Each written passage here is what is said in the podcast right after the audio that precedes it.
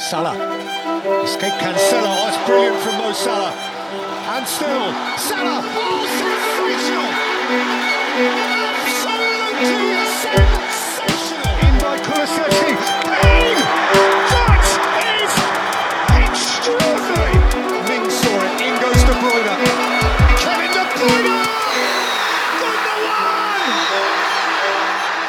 Hej och välkomna tillbaks till FPL ikväll. Vi är tillbaka efter en eh, omgång 13 som var väldigt deppig för eh, oss båda framförallt. Eh, hur är läget Gustav? Nej, det är inte jättebra. Det ska jag vara helt ärlig och säga. Det var eh, säsongens eh, värsta omgång så här långt för mig. En, en riktig käftsmäll faktiskt. Eh, 45 poäng för mig och så minus 4 på det. Gick från 40 000 i världen till 130 000 i världen ungefär. Ehm, det, är, nej, det, är brutalt. Jag hade alltså två spelare som gjorde någonting. Det var Haaland som alla bindlade i princip och sen var det Mitrovic. Ehm, I övrigt var det blanks rakt igenom. Ehm, och eh, jag tror inte resten av, jag tror inte mina resterande spelare kom upp i ett snitt på två poäng ens, utan det var, det, det, det var ett och nollor där inne också. Så att nej, det var allt som kunde gå fel gick fel. Ja, och det var exakt samma sak för mig. Det var ju Eh, allting kunde verkligen gå fel. Eh, allt som kunde gå fel gick fel och eh, till och med liksom Andreas Pereiras 10 poängar på bänken avslutades ju fint när man valde att starta Solanke före honom som gick ut skadad i halvlek. Det visste man ju. Jag tror alltså minus fyra för att byta ut Trossard och Andreas Pereira in med Foden och Saka. Och det är ju ett byte som jag hade gjort hundra gånger av hundra utan att eh, liksom, tänka igenom det, för det, jag tycker det är helt givna byten egentligen. Eh, men jag, jag, jag tappar alltså 20 poäng eh, denna veckan på den minus fyra. Ja, li, li, lite oflyt. Lite oflyt. Lite, lite oflyt. Mitt femmanna mittfält med Saka och Martinelli mot Southampton, Salah mot Nottingham Forest, Zaha mot Everton och Foden mot Brighton landar på fem man ihop sju poäng. Eh, och det får väl någonstans representera hur otroligt usel den här omgången var. Ja, verkligen. Det var eh, inte den bästa för oss i alla fall. Jag såg ju det var ju helt, eh, helt, helt ganska många ändå där ute som hade ganska bra omgångar, men eh, mycket tack vare lite halv, eh, ja, konstiga spelare kan man inte säga, men lite annorlunda spelare, typ eh, Almiron fortsätter att vara helt otrolig. Vi kommer säkert komma in på han mer sen. Eh, och andra spelare, ja vilka Danny? Ward fortsätter Danny hålla Ward, ja. Ja, Uh, nej, så att, att, att folk får in massa poäng på Danny Ward och Andreas Pereira och, och lite andra, uh, andra spelare när man själv sitter med det som på förhand eh, såg inte så många lag som jag tyckte såg bättre ut än mina inför den här omgången. För att det var ett, ett otroligt mittfält framför allt jag hade. Och det var ju någonstans där ehm, jag tänkte att min omgång skulle avgöras på ett positivt sätt. Men slutade istället med att alla blankar. Och det är inte så mycket man kan göra åt det. Liksom. det laget ser jättebra ut för omgång 14 så det är bara att hoppas att det studsar, studsar rätt istället. Ja, och det enda jag är glad över egentligen är ju att jag inte bytte kaptensbindeln till Sala eh, som en del gjorde för att han, vi fick early team nu så vi såg att han kommer förmodligen spela centralt mot Nottingham Forest och att Nottingham Forest är så dåliga så att det borde bli en hel del poäng för Sala men det var ju tur att man inte bytte den bindeln i alla fall. Det var verkligen tur. Det visade ju sig att Liverpool var ännu sämre tydligen. För att, eh, jag, jag, jag ska inte ljuga, jag, var, jag funderade faktiskt på det eh, ett litet tag. Att, eh, för någonstans så sitter det i, i ryggmärgen som FPL-spelare att eh, man vindlar gärna Salah när han möter Nottingham Forest och spelar anfallare i princip. Men eh, nej, jag eh, safeade väl den här gången med Haaland och eh, det, det är jag väldigt nöjd med. För hade jag inte gjort det så hade det varit eh, det, det som var en usel omgång redan med Haaland-binden hade blivit helt katastrofal om man vill att Salah. Ja, precis. Jag gick ju från eh, 150 000 eh, i världen till eh, 279 000 i världen. Det är inte riktigt det jag ville. 45 poäng. Samma som dig, bara att jag tog inte en minus fyra utan jag hamnade på 45 poäng. Eh, ja, eh, ska vi gå, på tal om Håland tänkte jag, ska vi gå vidare till eh, första matchen den här omgången som är City-Leicester? På tal om Haaland och på tal om Danny Ward eh, som ju har, har, har spikat igen på senaste tiden. Eh, Leicester, lyckades, Leicester lyckades alltså hålla nollan mot Wolves trots att de släppte till 20 skott ungefär. Mm. Eh, och det är ju, ja, det, det, det säger, det, dels var det ju otroligt tur att de höll nollan. Men eh, det, det säger också en del om hur dåliga Wolves är på att avsluta. Alltså de har inga spelare som kan göra mål. Eh, det har ju City. Så jag har ju ganska svårt att se att, eh, att Leicester ska kunna eh, eh komma ur den här matchen med poäng om man säger så. Ja, även fast eh, Salah spelar mot Leeds hemma så är det ingen tvivel om vart binden kommer sitta tror jag för alla. Haaland hade väl 190 procent effective ownership den här omgången så att jag kan nästan tro att han har mer här. Nej, jag, jag, jag kommer sätta den på Håland utan att tveka såklart. Det är bara bindla honom hela vägen fram till VM och förmodligen bindla honom efter VM också för att det, det finns liksom det finns liksom inga tendenser till varför den mål, det, det målsnittet skulle ta slut eh, eller varför han helt plötsligt skulle sluta göra mål. Det är ju en otrolig spelare som spelar som anfallare och får en väldigt stor andel av alla målchanser som ligans bästa lag skapar. Eh, och det säger ju sig självt att eh, då, då, då, då bindlar man den spelaren i FPL. Och såklart så eh, den, eh, den matchen som Phil Foden ska bänkas i, han har, spelat, han har startat varje match den här säsongen, tar man innan. Eh, och så sitter han bänk. Jag hade ju han i, för, i första omgången, eh, ja ska det sägas, men ja, såklart han tas, eh, sitter bänk här. Ja, nej den, den är svider ju, men samtidigt så hoppade ju alla på där nästan. Det var ju inte många som satt utanför den här veckan och eh, det är liksom det, det, var ett väldigt rimligt byte att göra i omgång 13 och plocka in honom. Det fanns ju egentligen ingenting som tydde på att han skulle sitta bänk utan sitta precis fått vila en vecka. Då spelar han väl med bästa laget Pep, tänkte man. Men eh, det, det går ju inte riktigt att, att läsa Pep och eh, det, det fick man känna på i omgång 13. Men här ska ju inte vara någon tvekan om att Foden ska starta. Jag tror han kommer starta eh, de tre, eh, de tre sista matcherna här innan, innan VM. Eh, och då är han ju ja, ett, ett väldigt bra val. För det är Leicester denna veckan, sen är det Fulham hemma och Brentford hemma för Manchester City. Så har man inte redan tre City-spelare så tycker jag att det borde vara prio att, att försöka få in en tredje.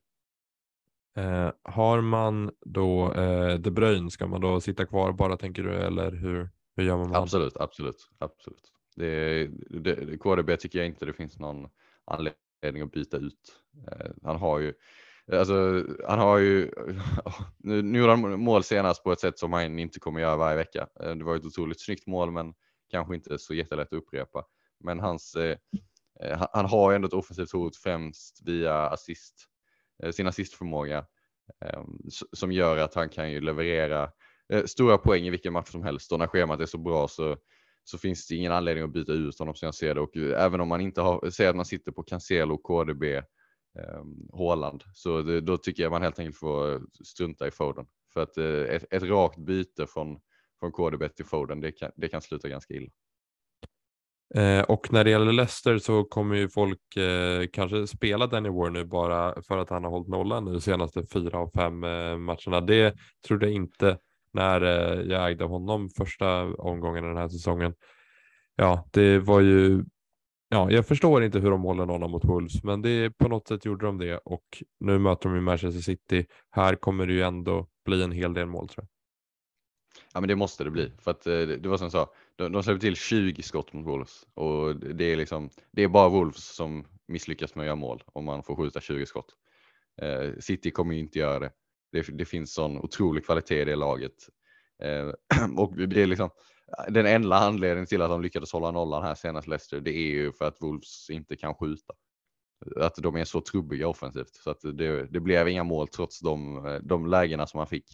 Eh, bjuder man City på samma lägen, vilket jag tror, tror att de kommer göra, då, då kommer det smälla här. Det är liksom oundvikligt. Så jag tycker inte att Leicesters defensiva stabilitet nu på senaste tiden ska ska liksom göra att man inte vågar plocka in City-spelare eller att man inte vågar bindla Håland. Utan eh, även, det är den tidiga matchen, absolut. Jag vet att folk inte gillar att ha sina kaptener i, i den tidiga matchen, men senast City spelade där så vann de med 3-0 och Håland gjorde mål. Så att det, det, det ska nog funka den här gången också. Och eh, när det gäller Leicester-anfallare så har ju Harvey Barnes gjort två mål senaste två matcherna. Madison var tillbaka, gjorde mål såklart efter att alla har eh, skeppat honom. Jag ser ju inget, liksom, det finns ju ingen eh, alternativ att ta in Leicester anfallare inför slutspurten här. Nej, tvärtom. Att, snarare att man skeppar om man har. Eh, för att det, det är City nu och sen är det Everton borta och West Ham borta. och det är ändå ganska det, det, det, City är en jättetuff match, sen är det ju två matcher där de absolut kan göra en del mål, men det är ändå ganska, på pappret ganska tuffa uppgifter. Åka, åka till Goodison och sen åka till London och möta West Ham. Ehm, det, det är inga matcher där jag förväntar mig att Leicester kommer liksom spela ut sina motståndare. Eh, och då, alltså det, det, finns så, så många alternativ i den prisklassen med bra schema nu sista tre omgångarna innan VM. Och då tycker jag att har man en, eh, en offensiv spelare från Leicester så är det läge nu att börja titta på andra alternativ. Då rör vi vidare oss mot eh, Bournemouth mot Tottenham och eh, ja, Harry Kane gör ju mål varje vecka känns det som utan att folk eh, hoppar på där. Han är fortfarande ganska lågt ägandeskap. Känner du för att hoppa på Harry Kane nu inför den här sista tre matcherna? Eh, alltså har man honom så klart man behåller. Eh, problemet för mig är att enda sättet jag kan få in Harry Kane är att sälja Salah. Eh, och eh, det är ju verkligen inte ett alternativ denna veckan. Jag tänker inte ta minuspoäng för att byta ut Salah eh, när han har Leeds hemma. Jag, jag funderade faktiskt till omgång 15 sen. Framför allt eftersom Mitrovic går in i ett tufft spelschema sista två matcherna innan VM. Då har City och United. Så mm, liksom måste leta en ersättare till Mitrovic. Så då funderar jag faktiskt på rokaden Salah och Mitrovic ut för Bowen och Kane. Eh, utan minus då i omgång 15. Men eh, jag är inte jätteimponerad av West Hams offensiv. Eh, senaste matcherna. Så, så vi får se. Det, det är ett alternativ eh, och det kanske är en annan 8 miljoners mittfältare än Bowen som man går på. Men eh, det är liksom enda sättet jag skulle kunna få in Kane och det, det blir och då är det ändå möter Spurs Liverpool i omgång 15 så den är inte klockren. Dock Leeds hemma i omgång 16 vilket är en fin, fin match men det, det, ja, då, han, han kommer göra mål den här omgången, Kane. Han gör mål varje match och han kommer ju göra mål mot Bournemouth också. Men eh, det, för mig, han är så pass dyr så det finns inget sätt jag kan få in honom på. Och jag misstänker att det ser, ser liknande ut för många, eh, många lag där ute. Ja, precis. Och eh, Bournemouths målvakt skadade sig senast så det lär ju vara Mark Travers förmodligen som kommer eh, stå den här matchen om han inte kommer tillbaka efter skadan Neto. Eh, och det är ett ganska stort avbräck för Neto har varit ganska bra för Bournemouth när han har kommit in. Eh, när det gäller Tottenham så ja, eh, Harry Kane och Son spelade ju i en frontduo senast. Eh, Kulusevski kanske är på väg tillbaka och kan underlätta det där anfallet. Eh, jag tänker på wingbacks, då spelade ju Emerson Royal och Sessegnon eh, här senast. Jag har ju Doherty, det har ju du också. Kommer du eh, starta han inför den här matchen? Jag tror att han kommer spela. Men... Vi får ju se vad som händer i, i Champions League nu i veckan. Eh, spelar Doherty 90 där, då, eh, då, då, då, är jag lite tveksam till om han startar mot Bournemouth. Men eh, förhoppningsvis så, så ska det gå att läsa efter den matchen. Men jag tror också att han, att han kommer starta för att han är så pass mycket bättre än vad, än vad Emerson Royal är. Och speciellt om de har Eh, Eh, inte har eh, varken Kulusevski eller Richarlison tillgängliga, eh, då betyder det att de kommer spela 3-5-2 och i en 3-5-2 så är wingbacksen ännu viktigare för systemet än vad det är när de spelar 3-4-3. Eh, och det är ännu viktigare att ha kvalitet på de positionerna. Eh, och Doherty och Perisic är väldigt mycket bättre än vad Emerson och Sessignon är. Så min tro är att Conte, han är såklart medveten om det här och nu, nu fick Doherty vila eh, senast mot Newcastle och förhoppningsvis då eh, för vår del så startar han mot Bournemouth nästa vecka. Men som sagt, det beror lite på vad som händer i, i CL. Det får man hålla ögonen på. Ja, när de mötte United så tycker jag att Doherty verkligen inte var eh, sämst på plan för Spurs, utan det fanns eh, betydligt fler spelare som var betydligt sämre än vad han var. Eh, men ja, hur gör man med, jag sitter ju med Dominic Solanke. Eh, han eh, gick av skadad här i första halvlek senaste matchen. Jag känner att jag kommer eh, vilja byta ut honom eh, baserat på att det är Tottenham hemma den här matchen och att han förmodligen missar det och att jag förmodligen inte har någon annat byte att göra den här omgången och jag har ändå lite pengar i banken. Ja, men det, det, hänger väl på det där sista, hur mycket pengar man har på banken. För att har man inga pengar på banken, då finns det inga ersättare i den prisklassen, utan då måste man eh, dra minus för att hitta pengar eh, någon annanstans ifrån så man kan få in en dyrare anfallare. Eller gå ner till en jättebillig anfallare och sen flytta de pengarna till mittfältet till exempel. Eh, men det är ju en liten rockad ändå som kräver att vi får besked om att Solanke är out tycker jag. Eh, och att han missar mer än bara en match. Men har du pengar på banken så att man kan gå upp till till en dyrare anfallare så tycker jag inte alls det är fel att, eh, att skeppa Solanke den här veckan. För jag tycker att det finns ganska intressanta alternativ i den prisklassen av lite dyrare anfall. Eh, då går vi vidare till Brentford mot Wolves och eh, ja, eh, Wolves gör ju verkligen ingen glad. De håller ju på, ja, de är ju nästan nere på nedflyttningsplats nu va, tror jag. Och Brentford hade det inte roligt mot Aston Villa här senast. Det, oj, oj, oj, vad hände? Nej, vad hände där egentligen? Det var Villa utan Gerard, då går det så. Um, nej, men det är lite av ett ångestmöte det här eftersom båda lagen förlorade med 4-0 i helgen. Um, och det, det, jag förväntar mig inte särskilt högkvalitativ fotboll i den här matchen. Uh, det, det är två lag som är lite under isen just nu och, och som vi sa innan, uh, Wolves kan ju inte avsluta uh, och det är ju det är ju ett problem får man säga om man har ambitionen att stanna kvar i Premier League. Um, försvarsmässigt så ser det ju, det ser, de släppte in fyra så det ser inte bra ut men det ser ju eh, bättre ut än vad det gör offensivt i alla fall. Eh, på det sättet att de, de släppte till, de släppte in sina fyra första eh, skott som de släppte till. Leicesters fyra första avslut gick i mål. Eh, och det är ju, ja, det är ju inte jättebra men att eh, de släppte inte till så många lägen i alla fall utan Leicester gjorde verkligen mål på all, alla lägen de fick. Eh, och det var ju, åtminstone Thielemans första mål var ju ett eh, otroligt drömmål eh, som de inte det är inte så många spelare som gör det och Wolves kommer inte släppa in så många mål på det sättet framöver. Ehm, men de skapar lägen offensivt, de släpper inte till så många lägen defensivt.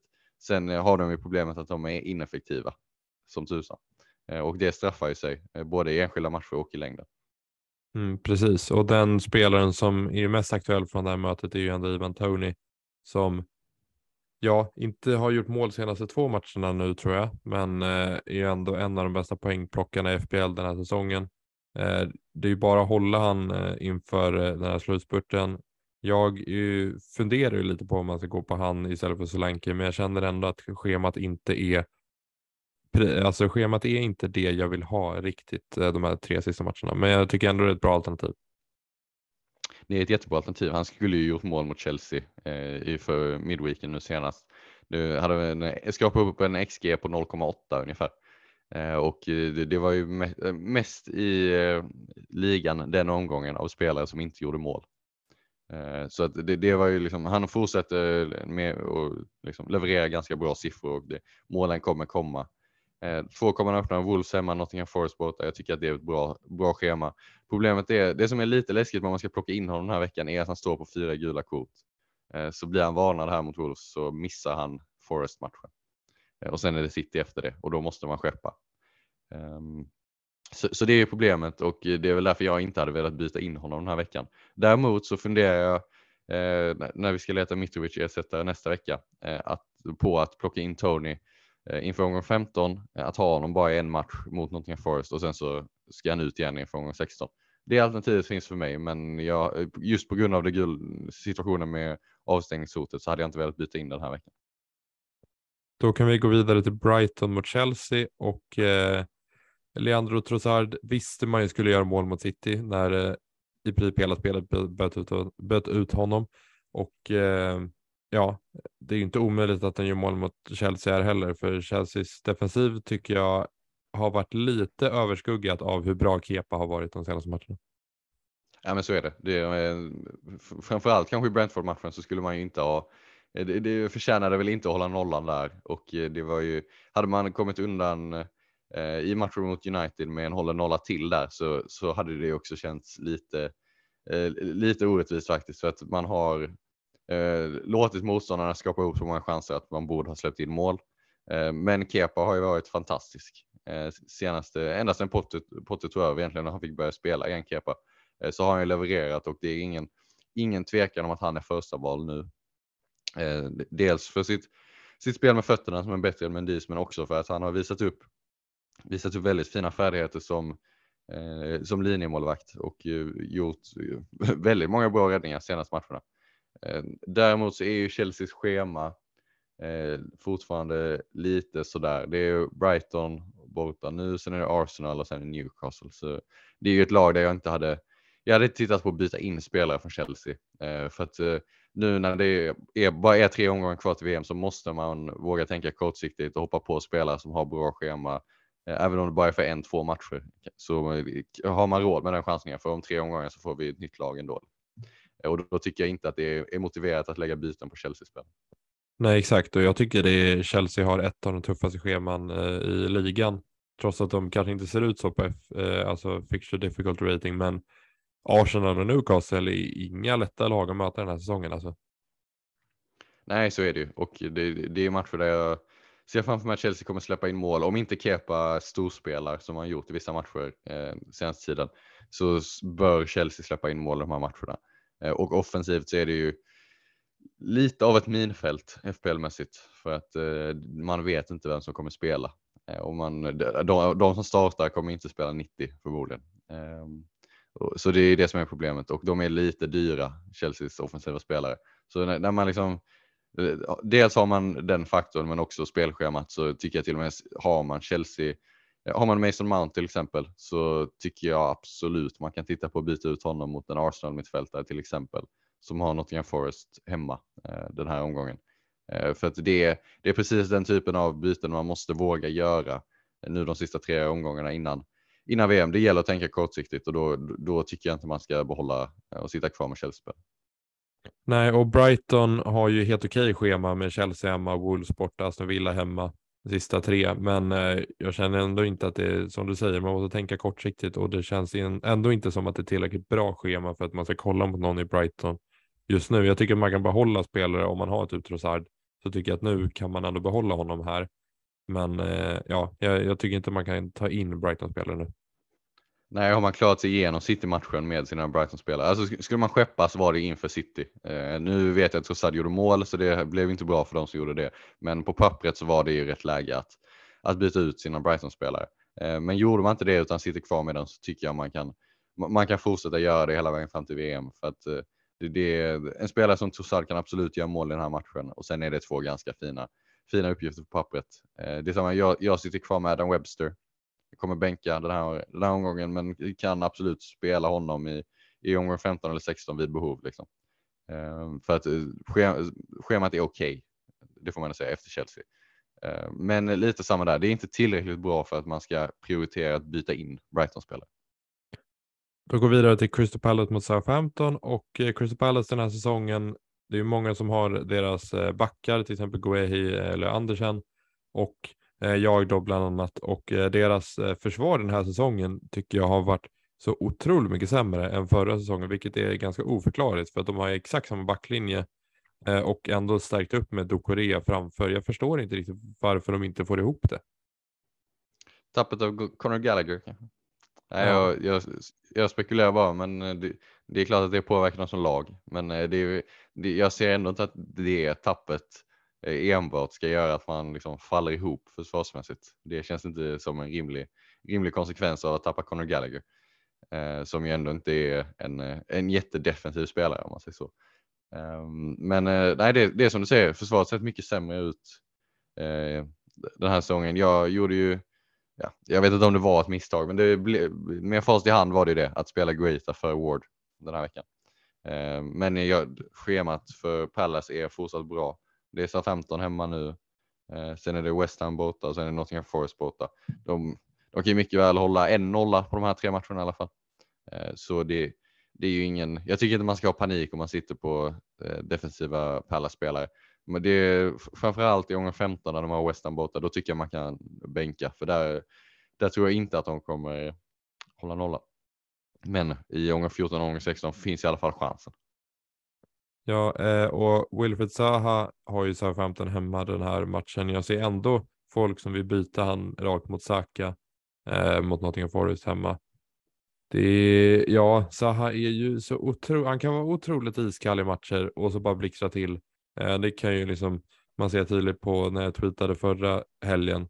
Eh, eller om det var midweek eller någonting när han var otroligt dålig i första halvlek och sen så andra halvlek såg han ut som världens bästa fotbollsspelare och var ja, helt otrolig och sen var han tillbaka till sitt eh, lägsta här senast mot Everton. Ja, nej, jag, jag, jag kan inte förstå mig på honom som FPL-spelare.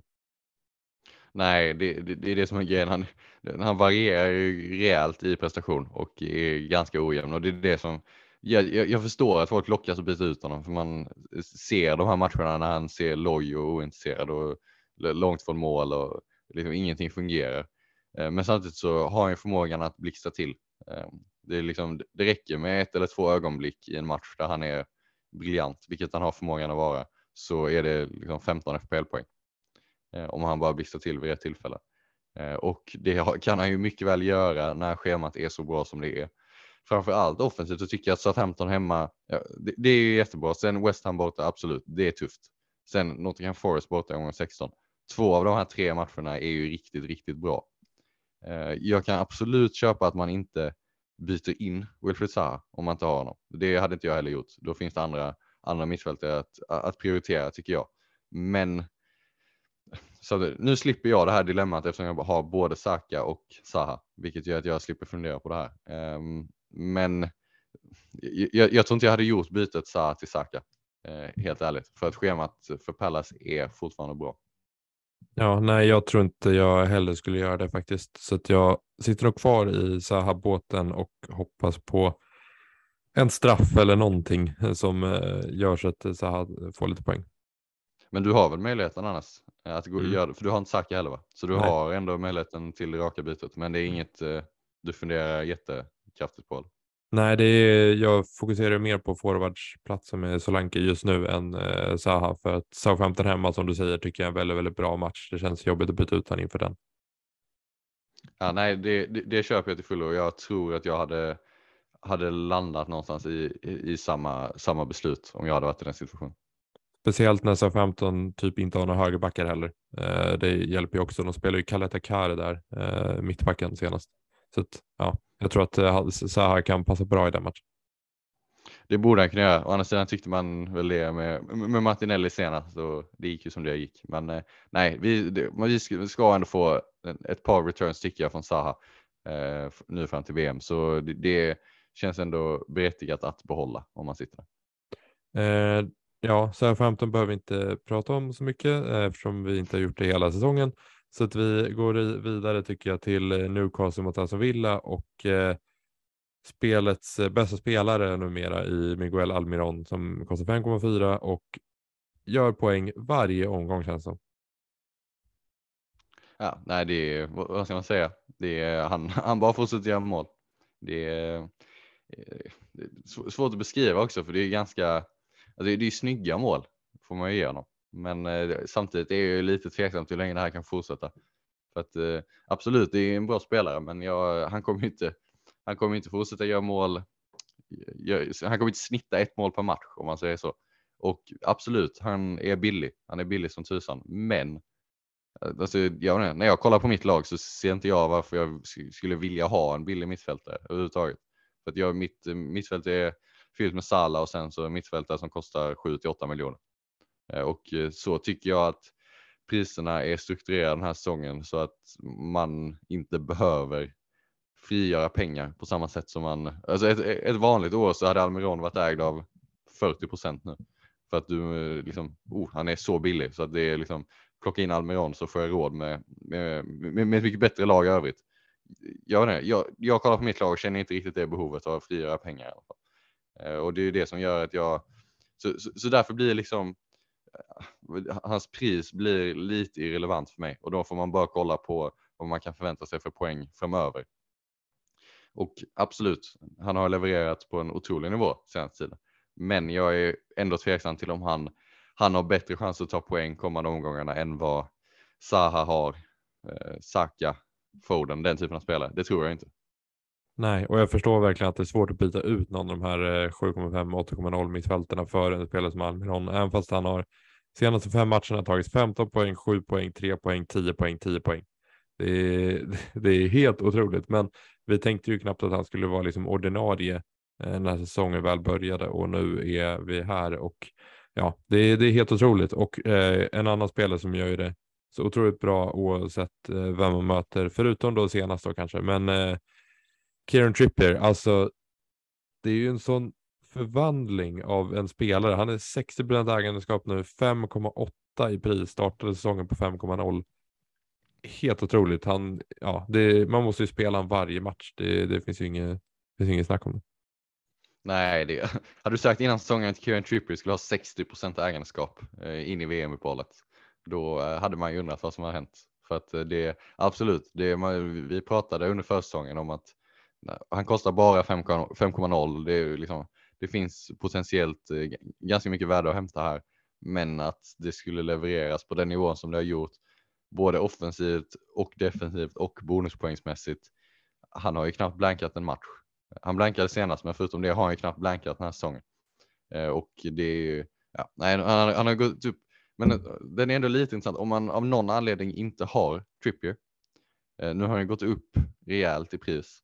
Tycker du fortfarande att han är värd de extra, han är väl en och en halv miljon dyrare än de andra backarna som finns i Newcastle-försvaret? Tycker du han är värd det? Om man ska plocka in nu och inte har haft Trippier så Många av oss plockade in honom tidigt har ju liksom varit med på den här värdeökningen. Men om man har missat den helt, ska man, är det värt att betala 5,8 för honom? Alltså, inför de här sista tre matcherna, det är en bra fråga. Jag tycker nästan det baserat på att hans eh, alltså expected goal involvement är så otroligt mycket högre än alla andras just nu den här säsongen. Han har ju verkligen förbättrat den från tidigare säsonger. Nu är han uppe på 0,26 eller någonting per, per 90, vilket är väldigt, väldigt bra för en 90-back. Så jag skulle nästan säga att det är värt det. Det är lite som eh, Robertson och Trent i förhållande till eh, Van Dijk eller någon av de här. Så jag hade nog ändå eh, gått på honom faktiskt. Ja, nej, det hade jag också gjort. Lite så, samma grej som Almiron. Jag tycker att pengar är inget jätteproblem den här säsongen. Man har råd med Trippier även om man har missat att blocka in honom tidigare. Och eh, han är liksom fortfarande under, alltså nästa säsong kommer han fortsätta så här så kommer han kosta 6,5 minst. Eh, till nästa säsong. Eh, och det, så det är fortfarande för 5,8 så är det ju spelets bästa back. Eh, och kan han leverera på en nivå som är liksom i närheten av den nivån han har hållit den här hösten så är det ju givet att fortsätta bolla honom. och Aston Villa chockade ju alla och gjorde det väldigt, väldigt bra senast mot Brentford. Danny Ings gjorde två mål eh, och de gjorde ju tre mål på typ en kvart eller någonting. Leon Bailey gjorde ett plus ett direkt. Eh, såklart. Han, Inte heller helt oväntat när folk bänkar och byter ut. Det är helt otroligt. Det, det, ja. Förhoppningsvis får han ju spela lite nu under eh, Unai Emery som vi måste ändå nämna har tagit över Aston Villa här. Vad förväntar du dig av Unai Emery i Aston Villa? Det är svårt att säga.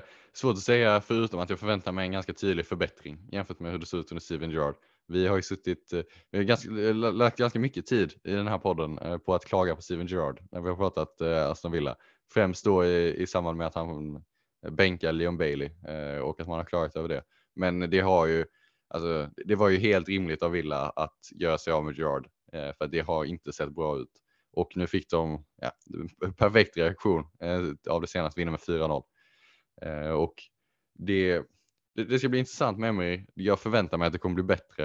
Eh, exakt hur får vi väl se, men där tycker jag att det, eh, det är ganska bra att vi har tre matcher innan VM nu som ändå inte är jag tycker inte att spelschemat är tillräckligt bra för att man ska bli lockad att plocka in villaspelare. Det är Newcastle borta, sen är det Manchester United och sen är det Brighton borta. Eh, det är liksom, precis som vi pratade om innan, det schemat är inte tillräckligt bra för att man ska plocka in villaspelare. Kan vi istället använda de här matcherna kolla hur kommer eh, Emery formera laget, hur ser det ut, se om vi kan dra några slutsatser av det överhuvudtaget innan VM och sen så får man ju liksom eh, eh kolla på hur det ser ut efter VM eh, när vi ska få fria byten och kan liksom bygga om hela laget. Då kan jag absolut se, och kanske framför allt Leon Bailey i sådana fall som man kollar mot. För att han är så, han är ju nästan nere på 4,5 4,5 eh, i pris. Eh, han har gått ner rejält. Så jag, jag, tror att efter VM så kan det ändå bli att man ställs ställs inför valet Leon Bailey eller Andreas Pereira. Vilket inte, det är inte helt givet men eh, det, det, det är ändå ett val som man, jag misstänker att man kommer ställas inför efter VM. Och även en spelare faktiskt som Danny Ings som är 6,6 nu nere på. Eh, det, det är ganska, ganska billigt för en Det var lägre än jag trodde faktiskt. Mm. men han är på 6,6 och det är ganska billigt för en spelare som tar straffar och eh, kanske då kommer starta under eh, Emery. Vi får se. Jag är bara glad att eh, Good Evening eh, eh, intervjuerna kommer tillbaka. Det, det kommer vara min höjdpunkt från Aston Villas. Eh. Ja, man har ju saknat det. Man har ju saknat det. Men eh, nej, men eh, Ings är ju intressant faktiskt. Eh, det problemet är att eh, Watkins också finns där och att om om, om, Emery, om Emery inte lyckas få in båda två i startelvan så blir det ju liksom två anfallare på en position där. Och de kommer ju rotera i sådana fall. Så det är det som gör det lite osäkert. Men som sagt, vi får, vi får se hur det ser ut de kommande tre, tre matcherna nu innan VM och sen så blir det ju en diskussion man får ha efter VM. Precis. Eh, vi rör oss vidare till eh, Fulham Everton som är 18.30 matchen på lördagen. Det är många matcher på lördagen får man ändå säga. Eh, alla förutom två. Och eh, det är Fulham mot Everton. Andreas Pereira, ska man spela den här matchen eller inte? Ja, nej, nu är jag lite luttrad efter att ha tagit en minus fyra för att skeppa honom. Men eh, nej, alltså det, absolut, så här, man ska få ändå ge honom att det, det kunde ha blivit mer nu i den senaste matchen mot Leeds för att han har ju, han är, har ett läge där han är fri från mittlinjen i princip eh, och får väl eh, på lite Raheem Sterling vis för mycket tid att tänka i det läget eh, och eh, drar ju den rakt på målvakten i princip. Ehm, så det, det, kunde ju, det kunde mycket väl varit ett mål eh, att lägga till de här två assisten. De hade varit uppe på 16 poäng ungefär eh, och då Eh, då kanske det hade låtit annorlunda um, om vi hade liksom eh, tacklat den frågan om man ska spela Pereira eller inte. Men eh, här, det, det, är inget, det är inte fel att spela Pereira för att man ska inte man måste ändå behandla honom som att så här, det är lätt att bänka för att han bara kostar 4,5 men man måste tänka att han kostar mer än 4,5 för att han är ju egentligen en spelare som ska kosta 6 miljoner ungefär. Och då får man tänka, hade jag bänkat honom om han kostar 6 miljoner och sen jämföra med de alternativen man har. Det beror så otroligt mycket på hur ens lag ser ut. Jag hade, jag hade spelat honom före i princip alla eh, backar som i liksom den prisklassen för, runt 4,5 så hade jag hellre spelat Pereira denna veckan. Men om man har om man har sju bra offensiva spelare, mittfältare, anfallare, ja, då finns det ingen plats för Pereira. Liksom. Så då tycker jag inte man ska ha några jätteproblem att bänka honom heller. Nej, precis. Och det var ju även ett läge där Fulham hade en boll som låg på mållinjen och Pereira var väldigt, väldigt nära att komma dit eh, först. Så det, det fanns ju potentiell, ja, som du sa, det kunde blivit ännu mer här i den här matchen. Mitrovic håller man ju bara den här omgången och sen kanske man funderar på att skeppa när det är City och sen eh, vilka matcher är det efter? Är det? United väl? United, just det. Eh, så ja, och det är ju de spelare som man kollar mot i eh, Fulham. Så att, eh, ja, jag tror inte man eh, plockar in någon nu direkt. Eh, däremot när det gäller Everton så har de ju kanske spelets bästa schema ändå här kommande tre. De har ju Fulham borta, Leicester hemma och Bournemouth borta. en spelare som gjorde väldigt, väldigt bra ifrån sig i den här omgången var Alex Iwobi. Han har ju verkligen förvandlat, förvandlats under den här säsongen. känns han dock som en FPL-spelare? Det är det jag är lite osäker på. Nej, jag, jag, är också väldigt osäker på det. Jag hade hellre gått på Almiron i den prisklassen eh, och det absolut, man, man får ge Iwobi att han eh, hösten som han har gjort det har varit väldigt, väldigt bra och överträffat alla förväntningar. Men eh, det, det är liksom, man, man, har bara fem platser på ett mittfält i FPL och eh, så som man eh, kan liksom bygga lag den här säsongen så, så förstår jag inte varför man skulle lägga en av de platserna på Alex Iwobi. Utan då det finns det så, så mycket bättre alternativ eh, som jag tycker Eh, visst, han är billig Iwobi, men det finns, bara gå upp lite i pris så, så, så finns det betydligt bättre alternativ.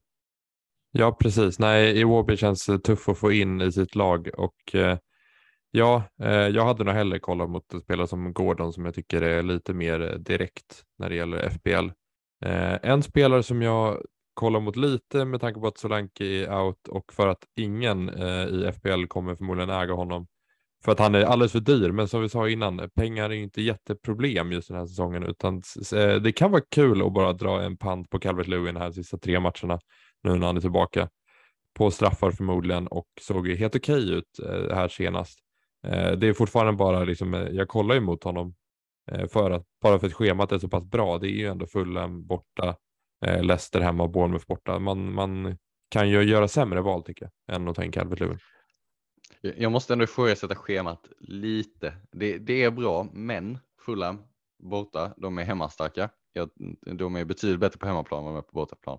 Eh, det, är, det är ingen match jag tror att, eh, tror att Everton liksom kommer kunna dominera. Eh, sen är det Leicester, Danny Ward.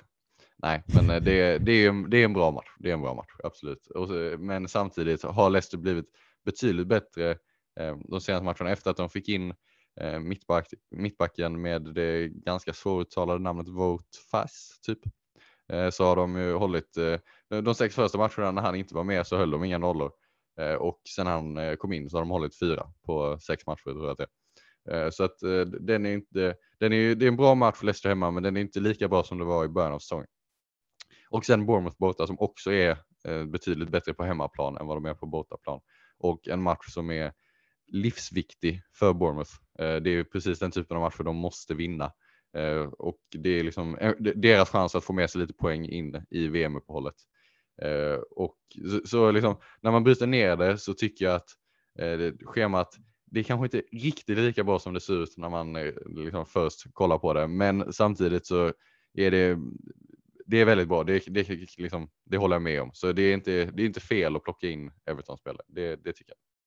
Nej, det, det är svårt att se bara vilken annan forward som har bättre matcher. Sen så vet jag ju att Calvert Lewin kanske inte är den bästa spelaren av de här eh, som jag kan välja. Det är till exempel Gabriel Jesus, men Gabriel Jesus är ju lite, eh, lite jobbigt att ta in allt på fyra gula. Men eh, ja, eh, om Darwin Nunez är frisk så är ju definitivt han jag kollar mot. Men eh, som sagt, det vet vi inte när vi spelar in det här avsnittet. Eh, men du har råd med Jesus? Ja, precis. Så att, du, du, du har råd med Solanke till Jesus? Japp.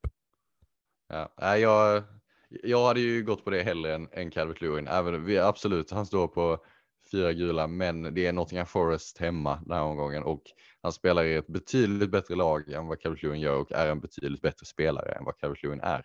Eh, så jag, jag, förstår att det lockar med det låga ägandeskapet i DCL och, eh, och det spelschemat som ju är bra. Men eh, tvingar du mig att välja mellan de två så hade jag gått på Jesus alla dagar i veckan. Mm. Eh, då tycker jag vi kan gå vidare till Liverpool mot Leeds och det här känns som det kommer bli en eh, svängig match, även fast Liverpool har sett riktigt, riktigt dåliga ut senaste matcherna. Eh, Salah bindlar man ju förmodligen inte här eftersom eh, de har sett ut som de har gjort. Jag tror att eh, ja, Liverpool är vinnare här, men eh, alltså, ja, nej, jag vet inte vad som har hänt den här säsongen. Alltså, här, den största anledningen till att jag inte kommer binda Salah är egentligen inte att Liverpool har sett ut som de har gjort utan att Haaland har sett ut som han har gjort. Eh, det är ju, alltså, jag tror absolut att Liverpool kan göra det bra den här matchen. Jag tror Salah kan göra det bra den här matchen för att Leeds är svaja försvarsmässigt. Det, det, det måste man verkligen säga. Och, eh, och det, det, liksom, det, finns en höjd här för offensiva Liverpool-spelare. Om det är eh, vilka som nu får starta, om det är Salah, Firmino, Nunez. Oavsett vem det är så finns det liksom det finns hög höjd i den här matchen. Men med det sagt så tycker jag fortfarande inte att man kan bindla när Håland ser ut som han gör. Och det finns liksom, det var som vi sa innan, det, det finns ju ingenting som tyder på att Håland inte kommer fortsätta göra mål. Utan det, det kommer fortsätta ticka på där. Och eh, när, när det, det, alternativet då finns så tycker jag det, det blir liksom självklart att bindla honom på något sätt för att vi har inte eh, jag har inte sett någon anledning till varför man inte skulle vilja bindla Håland och eh, innan man ser det så tycker jag att bilden bara sitter kvar där. Men jag har liksom eh, isolerat så tror jag absolut att det är möjligt att Salah tar fler poäng än Haaland här i omgången. Det är mycket möjligt för så bra är den här matchen Leeds hemma. Men eh, jag tycker fortfarande att man bindlar. Nej, jag håller med och eh, när det gäller Liverpool-spelare så tycker jag de flesta är bara att man ska behålla om man har men inte eh, köpa om man inte har. Förutom då kanske Darwin Nunez baserat på hans eh, skada. Jag har ju exakta pengarna att göra Solanke till Darwin Nunez. Det hade varit en ganska bra uppgradering. Eh, och med tanke på att de matcherna som de har då kvar är eh, Leeds hemma och Southampton hemma. Spurs borta är ju ingen fantastisk match, men Spurs tycker inte jag ser superbra ut om jag ska vara helt ärlig. Eh, men eh, ja, nej, så att, eh, det är Darwin Nunez som jag tycker att man kan plocka in av Liverpool-spelare om man får reda på att han är frisk inför den här matchen. Ja, det är det som är grejen. Han missade ju Nottingham-matchen, var inte med i truppen överhuvudtaget eh, med eh, skadeproblem. Så mm, det, vi måste få en uppdatering där. Oavsett om det, det kan komma i samband med Champions League-matchen eller så får vi det när Klopp har presskonferens på fredag. Förhoppningsvis har han på fredag, även om matchen är på söndag. Men så vi, vi borde få någon form av besked på Nunes. Eh, och får vi då besked att han är redo och spelklar så tycker jag att han han trumfar alternativ som Jesus till exempel, då hade jag hellre plockat in eh, Nunes denna veckan faktiskt. För att eh, det är de underliggande siffror som han eh, levererar när han spelar eh, i liksom, sett till hur många målchanser får han när han spelar. Det är enastående siffror. Alltså de är eh, i princip bäst i ligan. Eh, och det är liksom Eh, lågt ägd också så att det finns ju eh, en potential till att eh, liksom, få en positiv sving i ranken om man säger så. Och om man plockar in Nunes och han levererar så får vi bara liksom. Jag har inget sätt att jag kan plocka in honom på, men för, för andra som sitter i din situation att Solanke ska ersättas eller någon annan anfallare ska ersättas och man har råd med Nunes så tycker jag att han, eh, förutsatt att han är frisk, så tycker jag att han är det bästa alternativet. Och det är lite roligt för att jag hade ju tjänat på att byta in Darwin Nunez inför den här omgången och ta en minus fyra för en spelare som inte spelar för då hade Andreas Pereira kommit in. Och eh, ja, nej, det, det är lite kul hur FPL funkar ibland. Men, ja. ja. det är lite som i minus fyra där jag tappar 20 poäng på att byta ut Tosado och Andreas. Det är liksom sånt, sånt som händer, men man kan inte göra något åt det för i, i längden vinner man på att spela, spela rätt och spela bra. Eh, så, men det är klart att eh, det blir sådana fall ibland där det är liksom eh, så här, laget hade sett mycket bättre ut om man hade, i mitt fall om jag hade miss, glömt deadline så hade laget satt 20 poäng mer. Ja. Det, liksom, det, betyder inte att man ska få glömma deadline i fortsättningen. Liksom. Men det är, det är ändå lite kul. Verkligen. Eh, och Leeds kollar man inte så mycket mot eh, så vi kan ju nästan gå vidare ja, från jag vill Leeds. ändå. Är det så? Alltså jag vill, jag vill ändå lyfta en spelare Eh, och det, den spelaren jag vill lyfta är Patrick Bamford. Ehm, av den enda anledningen att eh, i omgång 15 så är det Bournemouth hemma. Och mm. i omgång 15 ska Alexander Mitrovic ersättas för mig. Och jag skulle kunna tänka mig att gå på Bamford i en omgång och sen byta till, precis som jag kan gå på Tony för en omgång så hade jag, säg att Tony drar ett gult nu och blir avstängd Forest så tycker jag att Bamford är ett alternativ. Alltså det, är liksom, det finns en tydlig rotationsrisk där, så man måste få tecken på att han kommer starta mot Bournemouth för att man ska eh, hoppa på där. Men han, han hoppade in nu senast, fick ett jätteläge direkt. Han har, har ju lite som Nunez eh, också har den här förmågan att det är liksom bara målchanser bara liksom. Han är en målchans, målchansmagnet. Det bara dras till honom. Han, han kommer till de här lägena hela tiden. Sen är han ju en dålig avslutare. Det ska man ju vara ärlig med. Han är inte han är inte bra på att avsluta de här målchanserna. Men eh, en spelare som kommer till så mycket, så mycket bra lägen eh, och som har Bournemouth hemma i omgång 15 får man liksom bara indikationer på att han, han borde starta den här matchen så eh, utesluter jag inte alls att jag plockar in Patrick Bamford. Ja, Okej, okay, ja, nej men eh, absolut, det finns för den omgången, men sen är det Liverpool och Spurs eh, vid sidan av den här. Ja, absolut, ja. absolut. Ja, man plockar inte in denna veckan och man plockar, plockar man in i omgång 15 så ska han ju bort till omgång 16. Eh, men det är någonstans, eh, det är någonstans liksom premisserna i sådana fall om jag plockar in honom. Eh, så sagt, det är inte långt ifrån säkert. Jag håller Tony högre just nu, eh, men det är ändå ett alternativ som jag vill bolla upp att det, det är otroligt lågt ägd också såklart eftersom att skadad i princip hela hösten. Ehm, men eh, det är ändå ett eh, lite spännande alternativ just för den omgången som det ändå finns en hög höjd. Ja, eh, då går vi vidare till Arsenal mot Nottingham Forest och här förväntar vi oss att Arsenal ska göra det ganska bra ifrån sig. Bukayo Saka, Gabriel Jesus framförallt. Jag vet inte riktigt vad som har hänt med Martinelli senaste matcherna. Jag tycker inte att Martinelli har varit superbra. Han har nu Eh, Eh, senaste, ja vad blir det då? Senaste eh, sex matcherna har han tagit två poäng, tre poäng, fyra poäng, tolv poäng, tre poäng, två poäng. Det är bra för en 6, eh, alltså liksom en billig mittfältare. Men man vill ju ha lite mer känner jag. Man vill ju ha mer. Sen har ju spelschemat varit lite, lite småtufft. Men å andra sidan så var det mot Liverpool, han gjorde sina poäng så att absolut. Men eh, ja, det, det, är ju liksom, typ, det är klart man inte byter ut Martinelli om man sitter på honom. Det är ju bara att hoppas att det vänder. Och jag tycker inte heller att det ska avskräcka en från att plocka in honom. För alltså, den här matchen, Nottingham Forest hemma för Arsenal. Nu har ju Forest hållit nollan i två raka matcher på något sätt. Det har jag ingen aning om hur det gick till, men de, de har hållit två raka nollor. Eh, de kommer inte att hålla nollan på Emirates. Det vågar jag utlova. Eh, och Eh, det, det, är inte att sticka ut hakan direkt och säga det. Men eh, nej, det, det är det, precis den typen av match som man måste våga eh, sikta in sig på nu när det är, är tre, tre omgångar kvar bara. Att få Arsenal hemma mot Nottingham Forest. Då tycker jag att man ska försöka mm, se till att man har åtminstone två Arsenal-spelare i den här matchen. Ja, eh, och just nu sitter jag på en, så att det, det kan ju bli så att Gabriel Jesus kanske kommer in här trots att han har fyra gula, vilket inte är optimalt. Eh, för att schemat efter är ju, alltså det är inte superbra, det är ju Chelsea borta, Wolves borta, det är inte det bästa, men det är helt okej. Ja, det är inte det bästa, men samtidigt eh, Chelsea-Arsenal, den matchen, jag kan, jag kan absolut se Arsenal göra två mål i den. Alltså så. Det, det, det, det liksom är ett alternativ, en möjlighet. Och sen Wolves borta. Wolves släppte precis in fyra hemma mot Leicester. Det är klart att Arsenal kan vinna den matchen med 3-0. Eh, så absolut, det är inte ett jättebra spelschema eh, om man slår ut över de kommande tre. Fast samtidigt så är matchen i omgång 14 så pass bra att jag tycker att det är liksom eh, det väger över och gör att om man så, alltså det är ju fine tycker jag att plocka in Jesus eller Saka denna veckan och sen så skeppar de direkt om man inte gillar de sista två matcherna. Men jag, jag tycker att bara den här matchen hemma mot Nottingham Forest är värd så mycket att man ska, ska verkligen försöka plocka in så man har, har två Arsenal-spelare. Och eh, Ben White gjorde en eh, assist här nu igen senast och ja, ser fortfarande ut som ett väldigt eh, bra val i förhållande till, alltså mittbackarna är ju ganska dyra nu så att eh, jag tror att Ben White är mitt favoritval bland backarna. Eh, vad känner du?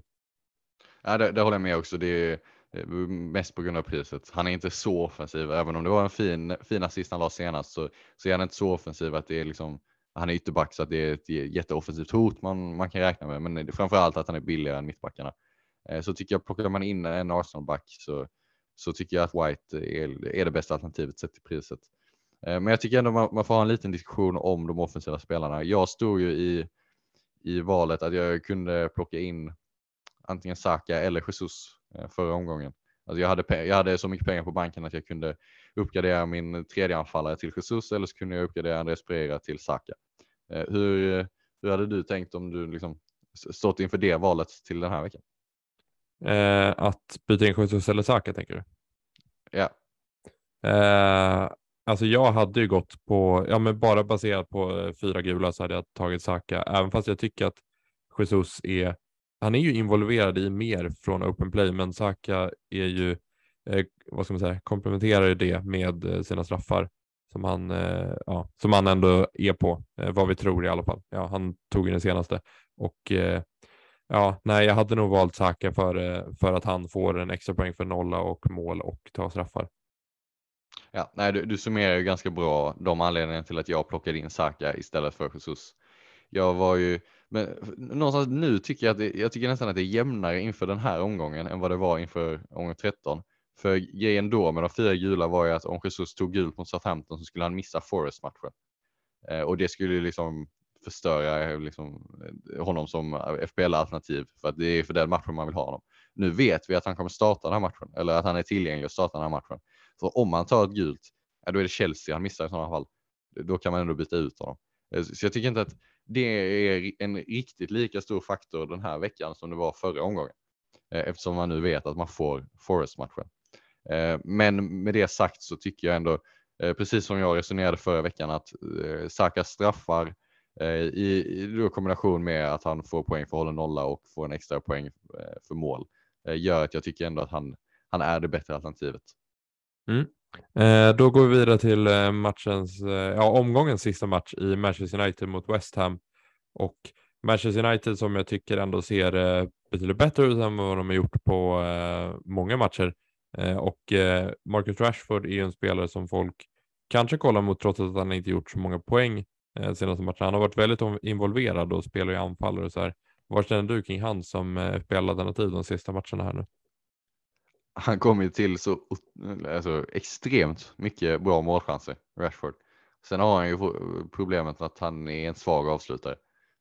Det, liksom, det, så är det ju. Han är inte i, i en zon just nu där han eh, sätter sina eh, liksom, målchanser på i den utsträckning som man hade velat att han skulle göra utan han har, han har bränt en hel del de senaste två. Eh, absolut, det är en del fina målvaktsräddningar där, men också många lägen där, där det bara ska vara mål eh, som Rashford har lyckats missa. Men jag, så som jag spelar FPL så värderar jag ändå att han, det faktum att han kommer till målchanserna högre än vad han sen gör med dem. Eh, för det är någonstans Eh, det, det, det, svåraste är faktiskt att komma till målchanserna kontinuerligt och har man väl lyckats med det så kommer de också skotten till slut att börja gå in. Eh, däremot är jag lite så här, nu har de mött Spurs och Chelsea senaste två eh, matcher som passar Rashford ganska bra sett till vilka typer av ytor han får. Eh, och eh, att det, jag är lite så här, kan det vara att det för vi har sett att han han levererade massa poäng mot eh, Arsenal, han gjorde det mot Liverpool och, eh, för, och nu kommer han till massa lägen mot mot Spurs och Chelsea, men i matcherna mot lag som står lite lägre så har det inte riktigt eh, varit samma flyt i målchansskapandet. Om man säger så. Det är en bra poäng. Ja, så, så jag är lite så här, West Ham kommer till Old Trafford nu. De kommer ju inte bjuda på särskilt mycket ytor in bakom deras backlinje om man säger så. Och samma sak eh, Aston Villa och Fulham som kommer efter det. Absolut, på pappret är schemat bra, men jag undrar om det verkligen är den typen av matcher som pass, passar Rashford. Ja, nej, det är bra poäng. Det är ju, han har gjort mest poäng mot de här topplagen och West Ham vet vi ju kommer stå ganska lågt eh, defensivt i sådana här former av matcher. Och eh, ja, det vi kan säga om West Ham är väl egentligen att vi vet att Jared Bowen inte tar straffar längre. Eh, det sa han i alla fall i en intervju efter matchen vad jag har förstått det som. Och eh, då lär det ju vara Ben Rama om han är på planen. Annars kanske är, jag vet inte, Skamacka eller någon. Eh, vi vet inte riktigt. Ja, för de som missat så fick ju West Ham straff igår, men Bowen hade blivit utbytt typ tre minuter innan straffen. Eh, så det var Ben Rama som slog straffen och eh, satte den. Eh, och det är lite oklart huruvida han hade fått slå straffen om Bowen hade spelat. Jag tror att Ben Rama hade tagit den ändå. För att så som West Ham har, har tänkt kring sina straffskyttar de senaste säsongerna så har det varit att om du missar en straff så byter de straffskytt. Um, utan missar man så får man inte slå igen i princip. Mm. Och det, det, så jag tror att Ben Ram hade tagit den straffen även om Bowen hade varit på plan. Men nu tog han den och gjorde mål och Bowen sa i princip rakt ut att han, han tar inte straffarna längre. Eh, så det, och det är ändå en ganska stor del av Bowens liksom värde som FPL-alternativ. Att det, man visste att eh, man, även om man ibland eh, i vissa matcher inte är särskilt involverad så finns alltid eh, möjligheten till ett straff och ett eh, ja, gratismål är det ju inte eftersom man missade mot Liverpool med, uppenbarligen. Men eh, det är ändå en, en väldigt bra målchans och det är det, det som är fördelen med straffskyttar i FPL att eh, Eh, oavsett hur matchbilden ser ut så kan ett lag liksom få fram en straff ur ingenting och då har det helt plötsligt eh, ett mål med ganska stor sannolikhet. Eh, försvinner det nu från Bowen och spelschemat Alltså det är Manchester United borta nu, sen är det Crystal Palace hemma och Leicester hemma. Det är ju två väldigt fina matcher, men om jag inte sa tidigare att jag inte hade gjort bytet Saha till Saka så hade jag varit betydligt närmare Bowen till Saka om jag hade haft Bowen. Mm. Ja, men jag, jag håller faktiskt med där och eh, om eh, paketet är out eh, in hela vägen in till VM eh, så kanske hade varit lite spännande att, att eh, ta in, om man då behöver en billig mittfältare nu kanske man inte behöver det i FPL den här säsongen, men eh, Ben Rama kostar ändå bara 5,6 om man fortsätter starta här nu när paketet är out. Samtidigt så kostar Almiron mindre. Liksom. Mm. Jo, men Ben Rama är på straffar nu och ja, nej.